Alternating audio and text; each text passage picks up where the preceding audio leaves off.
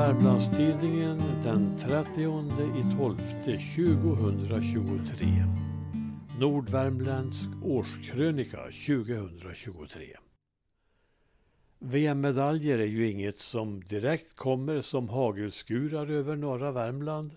Men i vinterns VM i skidskytte i Oberhof erövrade Östmarkstjejen Linn Persson VM-brons på sprinten och silvermedalj i distansloppet. Till detta kom ett stafettbrons. Grattis! Apropå skidskytte, som har blivit en av de stora sporterna i Värmland, hade Sysslebäck under hösten besök av Internationella skidskytteförbundets president Olle Dahlin, som höll ett föredrag om sitt uppdrag och något om sitt yrkesliv. Likenässonen Olle Dahlin, som också är medlem i Sveriges olympiska kommitté, hade många händer att skaka när han besökte den gamla hembygden. Näckåns Energi har förlängt sitt hundraårsfirande med fem år och efter att ha framställt en jubileumsfilm om bolaget såg man till att få den intressanta historiken ytterligare dokumenterad i en bok som gavs ut under det gångna året. Där kan man följa bolaget allt ifrån bröderna Svanbergs första försök med kraftverk i Näckån fram till dagens minikraftverk och solcellspark. Att bolaget har fler planer på sin vision om Green Power Valley fick press och publik veta på de två, faktiskt, invigningarna av solcellsparken under sommaren 2023. De 2000 solpanelerna ska ge 1,1 megawattimmar eller el till 250 hushåll. Men planen är att öka produktionen till 5 megawattimmar när det finns kapacitet i regionnätet. På självaste långfredagen invigdes den restaurerade Smeja i Torsby och öppnades för visning. Den sista resten från bruksperioden var märkbart förfallen och vandaliserad när P.A. Sjögren för tio år sedan ryckte in och mobiliserade alla goda krafter för upprustning. Han själv och hustru Nina deltog själva i hög grad med arbetet trots att de geografiskt hör hemma i Saltsjöbaden. Per-Arne är själv gammal Torsbybo med genuint intresse för bygdens gamla kultur och dit hör definitivt Smeja. Till invigningen kom 250 personer. Det nyinvigda reningsverket i Ransby som byggdes för 300 miljoner kronor invigdes ett par veckor före slutet av 2022. Nu skulle den dåliga lukten försvinna men den läckte då och då fram in på 2023. Kompletterande arbete utfördes under året och förhoppningsvis ska skitlukten hejdas just där. Och än en gång, hur kom någon på idén att bygga denna anläggning inne i byn? Att frakta dit lortvatten ett par kilometer från avlägsna stadsliknande bebyggelsen på Brannäsberget.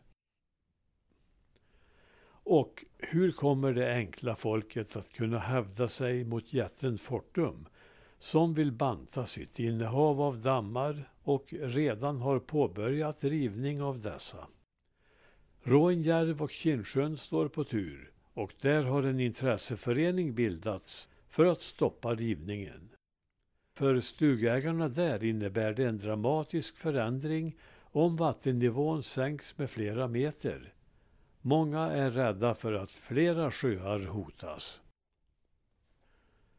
Visst känns det som ett klart övergrepp när Lantmäteriet helt oförklarligt har ändrat det gamla inarbetade namnet Tåsan till Tossan på ett av Klarälvens större tillflöden.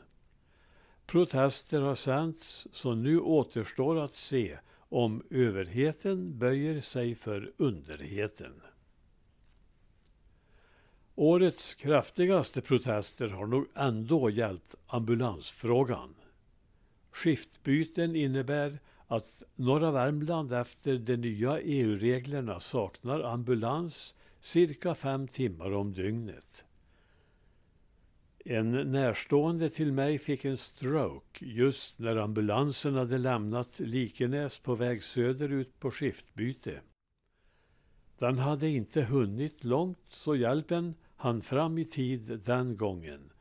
Men ett par timmars fördröjning kunde ha varit förödande. Två möten med representanter från regionen har hållits i Sysslebäck men några löften om förbättring har inte kunnat ges. Vägfrågan är alltid aktuell och medial uppmärksamhet kan hjälpa. SVT gjorde ett lokalt inslag om den undermåliga väghållningen på väg 62 mellan Brattmon och Långflon. Snart därefter plogades och skrapades en farbar väg fram. Efter en långvarig torka kom på sensommaren stora regnmängder. Klarälven blev större än vid vårfloden och vägen på västsidan blev delvis översvämmad. Väg 62 råkade ut för ras på Gunnebyheden. Vägen stängdes av ett helt dygn och trafiken norrut till Sysslebäck hänvisades till att åka om Bograngen och för att komma dit hänvisades man söderut till väg Sjöfors och sedan norrut. De åtta kilometrarna från Ransby till Sysslebäck blev tio mil. Snabbt ordnades emellertid avspärrning och trafikljus och bilarna fick ena körbanan öppnad. Nu är det hög tid att väg 62 förstärks och att dessutom vägen på Klarälvens västsida breddas och asfalteras. Det är en beredskap som känns nödvändig. När Bilprovningen hösten 2022 stängde sin anläggning i Sysslebäck fick bilägare åka många mil till bilprovning i Malung, Torsby eller Hagfors. I mars 2023 öppnade Besikta bilprovning i Sysslebäck. Den 22 april firades Världsbokdagen en dag i förväg i Ambjörby med temat mat. Bland andra presenterade Sara Bodin Olsson sin bok Historisk värmländsk mat.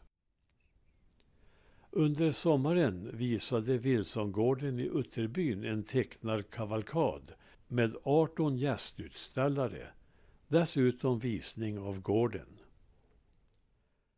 The Magic Weekend i Höljes innebar en besvikelse för arrangerande Finnskoga Motorklubb som bara fick 24 000 besökare. Ja, det var rekordåret 2018 med 51 600 besökare som spökade.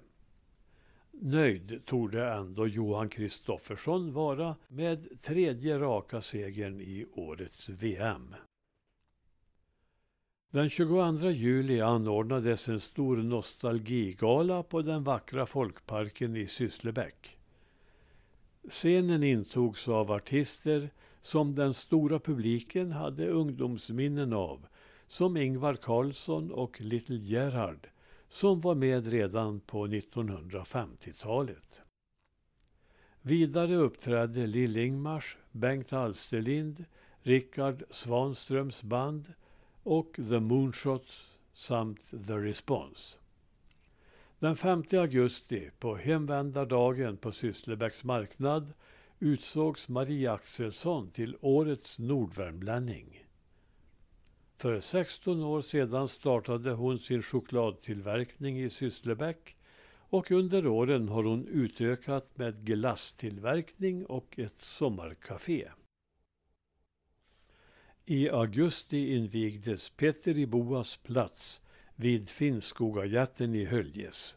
Detta för att hedra minnet av den filantropiske lanthandlaren Peter Larsson. Den 4 november vid syssleträffen delades årets skillnadspris ut till 13-årige William Grund i Stöllet för hans initiativ med fotbollsträning för barn. Ett grupppris gick till Klarälvsserien som är ett motionsprojekt med fokus främst på skidsport. Andra idrottsutmärkelser gick till Isak Reiersen, Ellen Mäler, Pontus Henriksson och Viktor Johansson. Från Ovansjö bygdeförening tilldelades OK Långberget ett bidrag på 10 000 kronor som hjälp till att ta fram en ny orienteringskarta över Långberget. En tråkig julklapp levererade Moälven Byggmodul AB som sade upp 15 anställda i Torsby. Som motvikt kom det positiva beskedet att Fryksdalens Sparbank öppnar kontor i Torsby sommaren 2024. God fortsättning på året. Vi ses i spalterna fortsättningsvis var fjärde vecka.